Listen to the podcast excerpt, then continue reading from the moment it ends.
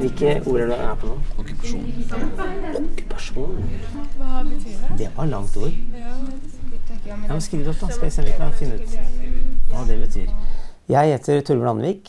Jeg jobber på Sagene skole, er kontaktlærer på 9. trinn og har fagene norsk, eh, samfunnsfag, KRLE, musikk og kroppsøving. På vårt trinn er det ti stykker som har vedtak om særskilt språkopplæring. Jeg har ikke så mye erfaring med bruken av UDIrs kartleggingsverktøy i grunnleggende norsk. Vi er helt i startgropa. Kartleggingsverktøyet er veldig ålreit på den måten. Jeg trenger ikke å lage en prøve eller gjennomføre en test. Jeg kan bruke det ut fra de observasjonene som jeg gjør i, i klassen og i timene. Hva vet jeg fra før av, fordi jeg kjenner eleven ganske godt. Og så er det kanskje noen punkter som jeg tenker ok, dette her hadde jeg ikke tenkt på at jeg skulle sjekke. Så det er også veldig fint at kartleggingsverktøy blir en sånn huskeliste som gjør at jeg kan komme på det jeg skal, det jeg skal se etter. Da. Nå skal vi ha samfunnsfag krigen i Norge. I dag er tema motstandskamp og hverdagsliv i Norge under andre verdenskrig. Og vi skal lese en tekst, og så skal dere forsøke å finne hvilke ord dere tenker kan være litt vanskelige, eller veldig vanskelige, eller helt ukjente. Og så setter dere inn i denne lista her med fagord eller vanlige ord og prøver å skille mellom hva er hva. Og så skal vi jobbe litt mer med de ordene etter hvert. Finn et, par, finn et ord til, og så kan dere begynne å, begynne å se på hva slags ord er det, hva betyr de. Ikke sant? Å, å vinne over et land i krig. Det er ikke bare det, det er jo ta Nei, men- over. ja, liksom. Men det- Man må jo ikke, det må ikke være krig. Hvilke ord er det er på nå? Okkupasjon. Okkupasjon. Protestere. Har du, har du opplevd at du eh, ikke vil noe? Protest. Ja, ikke sant? Ja. Du, ikke sant? Da, da fant du ut av det. Nå har vi hatt en, eh, hatt en eh, time med klassen vi har jobba med ordforråd. Eh, og da tenkte jeg at eh, jeg trenger litt hjelp av deg til å spare litt. Jeg har mistanke om at hun egentlig er forbi nivå 1. At vi kan gå rett på nivå 2, men vi kan ta en rask sjekk. Ja. Innom nivå 1 i kartleggingsverktøyet. Forstår og bruker ord for grunnleggende behov i hverdagen. Det gjør hun jo. ja. Grunnleggende behov. Ja. ja. Og at hun bruker norske ord for grunnleggende begreper. Hvis vi klikker på den, så kan vi se hva som står her. altså Antall, mengde, størrelse, form, farge. Ja, det gjør hun. Ja. Hun er der, altså. Høyfrekvente kollokasjoner, altså sånn derre hoppe over eller uh, holde opp eller gi seg eller ja. ja. Ja, hun er der, altså. Sammensatte ord. Hun skjønner jo sånne type bestevenn og matpakke. Matpakke, og, ja.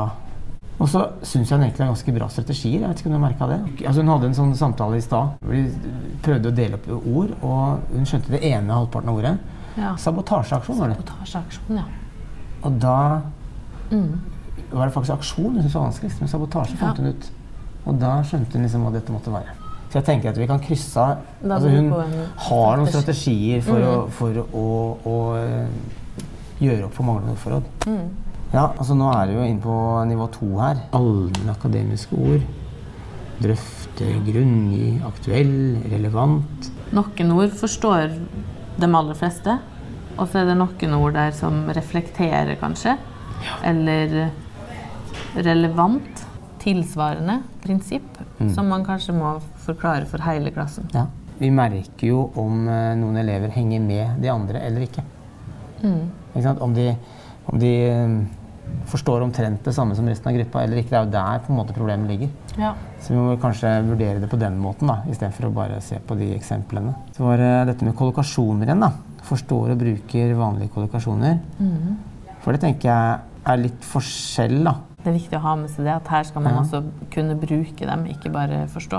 Så er kanskje forskjellen mellom nivå 1 og 2 her at de faktisk bruker de. Da. Altså, når vi skal finne ut dette her altså Her er det kollokasjoner, metaforer, idiomer, aldersadekvate, abstrakte ord. ikke sant? Altså, Ja. Det er veldig mye man skal kartlegge, egentlig. Og hva tenker du vi, altså, kan vi, Hvordan kan vi finne det ut? Det er jo litt av eh, poenget med det er vel også å finne ut av det uten å sette dem i en kunstig situasjon. Ja. på en måte, Så ikke sånn tester. Så det er jo det å prøve å plukke det opp både i korte dagligdagse samtaler i timen. Når vi gir instruksjoner. Og så er det jo eh, skriftlig arbeid og Ja. Jeg tenker jeg oppdager egentlig ganske mye bare i den helt normale fasen ved å gi en oppgave. Mm. Og sjekke ut forståelsen. Og litt sånn som vi jobba i dag, da, eh, med, med å lese en tekst og faktisk jobbe med begrepene, Mm. så får jeg jo masse informasjon. Syns jeg, i hvert fall. Ja, og så er det kjekt når vi kan gå inn på OneNote, at vi bruker det, og jeg kan se alle Se her har vi en av elevene Mm. som har skrevet hvilke ord som eleven har skrevet, og litt hvordan eleven har forsøkt å bruke ord i en setning. ikke sant? Mm. Og da får jeg jo ganske mye informasjon.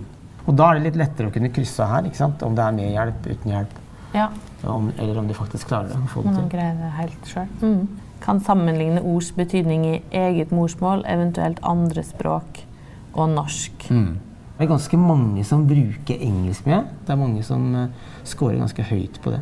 Ja. De bruker sitt eget morsmål. Mm. Men vi må legge litt til rette for det.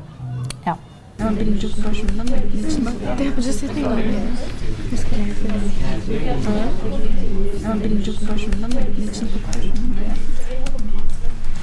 Ama birinci okul başvurundan böyle bir için bak. De yapacağız hep Ama birinci på birinci fıkara yapalım lazım diye yapacağız. Er det samfunnsfaglig ord, eller er det hverdagslig ord? Vanlig ord. Kvote. Vanlig språk så, pleier, så er det liksom veldig bra hverdagslige ord. Ja. For eksempel på polsk Ja. er det jo mye mer vanlig, da. Ja. Ja, faktisk. Altså Man bruker det for å beskrive at man fordeler noe, eller? Ja, det er liksom en mengde For eksempel penger, da. Ja. For eksempel. Det er ofte sånn det blir brukt, da. Skal vi gå over og se litt på nivå tre? Ja, for det er noen elever som også noen som jeg lurer på om egentlig trenger det. Hvor langt oppe er det? Det er jo greit å sjekke ut det òg. Den er litt interessant, for der var vi inne. Ja. På 3.14 gjenkjenner vanlige avledninger med prefikser, suffikser og suffikser som uaktig, aktig, eri, else, ing osv. For der uh, var det faktisk flere elever som, i hvert fall i den timen jeg hadde nå, som eh, eh, dette med anti. Mm. Anti Antinazistisk, ikke sant? Ja.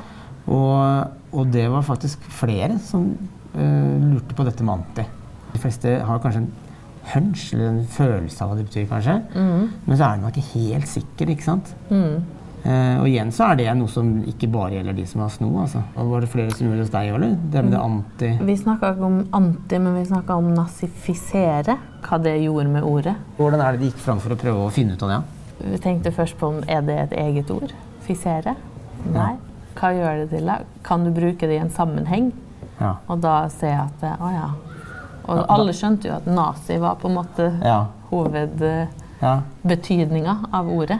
På 3-5 Forstår frekvente metaforer og idiomer. mm. Jeg vet ikke hvordan eh, hva dere diskuterte om de ordene som vi leste den teksten. Om, mm. om det kom fram noe der hos deg? Vi snakka om å kapitulere. Ja, vi snakka om okkupere. Jeg bruker alltid eksempler fra lærerværelset når det er en eller annen som har okkupert hele sofaen. ikke sant? Ja. Okkupere, er det et helt vanlig ord? Eller er det for, kanskje fordi de har hørt det brukt metaforisk? ikke sant? Ja. Det er jo interessant når du ser at elevene forstår det, men det tenker jeg er ganske høyt nivå. altså. ja. Så når du tar den, så er du ganske god norskbruker. ja. Det spørs om du trenger sno.